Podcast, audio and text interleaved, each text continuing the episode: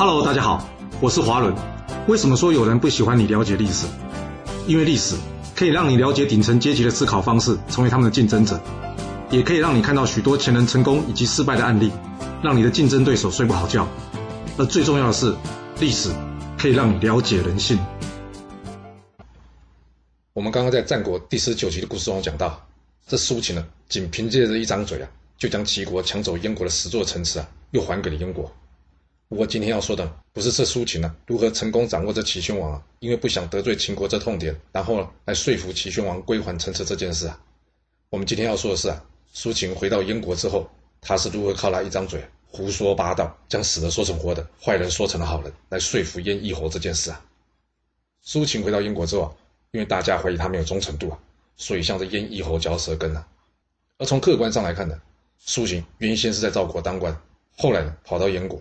他的确是很没有忠诚度，但进一步来看，这话也不对啊。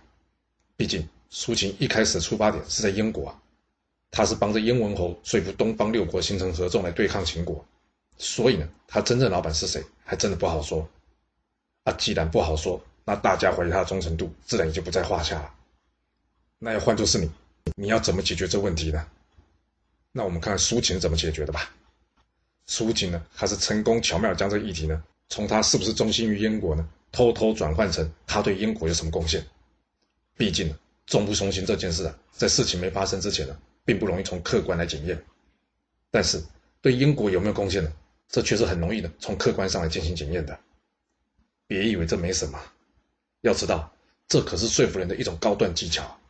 什么高端技巧？那就是偷换概念了。要是一件事你说服不了对方，那就重新定义问题。然后将问题的重点呢改换成其他的观念，这样就可以让已经死掉的话题重新开启生机啊！别说苏秦这样干了，连庄子也是这样做的。要是你对这段话兴趣有内容的话，你可以听听下一回，也就是战国第二十回的故事中啊，其中庄子与惠施的对话。这庄子呢，也就是在与惠施僵持不下时候，成功的重新移转话题，然后偷换概念，好帮自己扳回一城啊！当然了。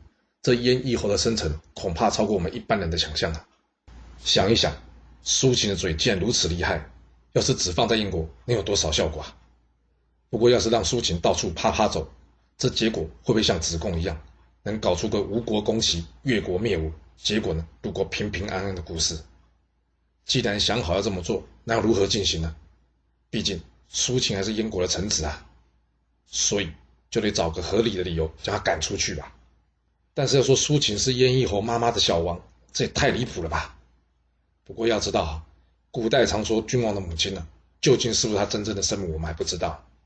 就算是，也只能说这燕翼侯呢是不择手段想要壮大燕国啊。这怎么说呢？因为有了苏秦是小王这种闲言闲语啊，燕翼侯再将苏秦赶出去，自然就不会有人怀疑他，不是吗？或许你会说，难道燕翼侯不怕苏秦真的不忠心吗？我想，燕翼侯应该不至于抱着破罐子破摔的想法，想说来拼一拼吧。他应该是仔细评估过了这件事啊，要不然他不会拿自己妈妈的名节来开玩笑，更不会相信呢苏秦会忠心成为他在齐国的内应呢。只是很可惜啊，这种评估人的帝王之术啊，这段史料中并未记载啊。我想一般人也很难猜得出来啊，毕竟这是一种非常非常高端的招式啊。想一想，要是你是老板。竞争对手人要来投靠你，你是要用还是不用啊？用可以快速了解竞争对手，但是却存在着对方是内奸的风险。要是不用呢？虽然可以避免对方是内应的问题，但也让自己失去了与对方拉近或者说拉开距离的机会。这问题很难有答案的。成败的关键在于用人者以及对手之间对人掌握的差距啊。放在这，要是我是齐宣王，我极大概率是不会任用苏秦的。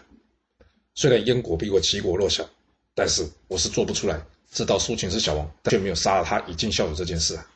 由这点就足以证明了燕翼侯啊比齐宣王啊深沉内敛。那换句话说，也就是苏秦是内应的可能性极高啊。但这毕竟是后见之明啊，或者是说光用嘴巴说是很容易的。以齐宣王当时国力遥遥领先燕国的状况来看，或许他根本没想过要担心苏秦是内应这件事，也说不一定。你说是吧？若是您有其他想法，也欢迎留言分享您的看法给大家哦。好了，我们今天就先说到这。若是你想要知道完整版的故事内容，欢迎您可以到说明栏中找到我爱故事频道的连结。要是你喜欢这个频道，还要麻烦您动动你的手指，点赞、订阅、追踪，或是给我五星评价的支持以及留言分享哦。谢谢您来收听，我们下次再见。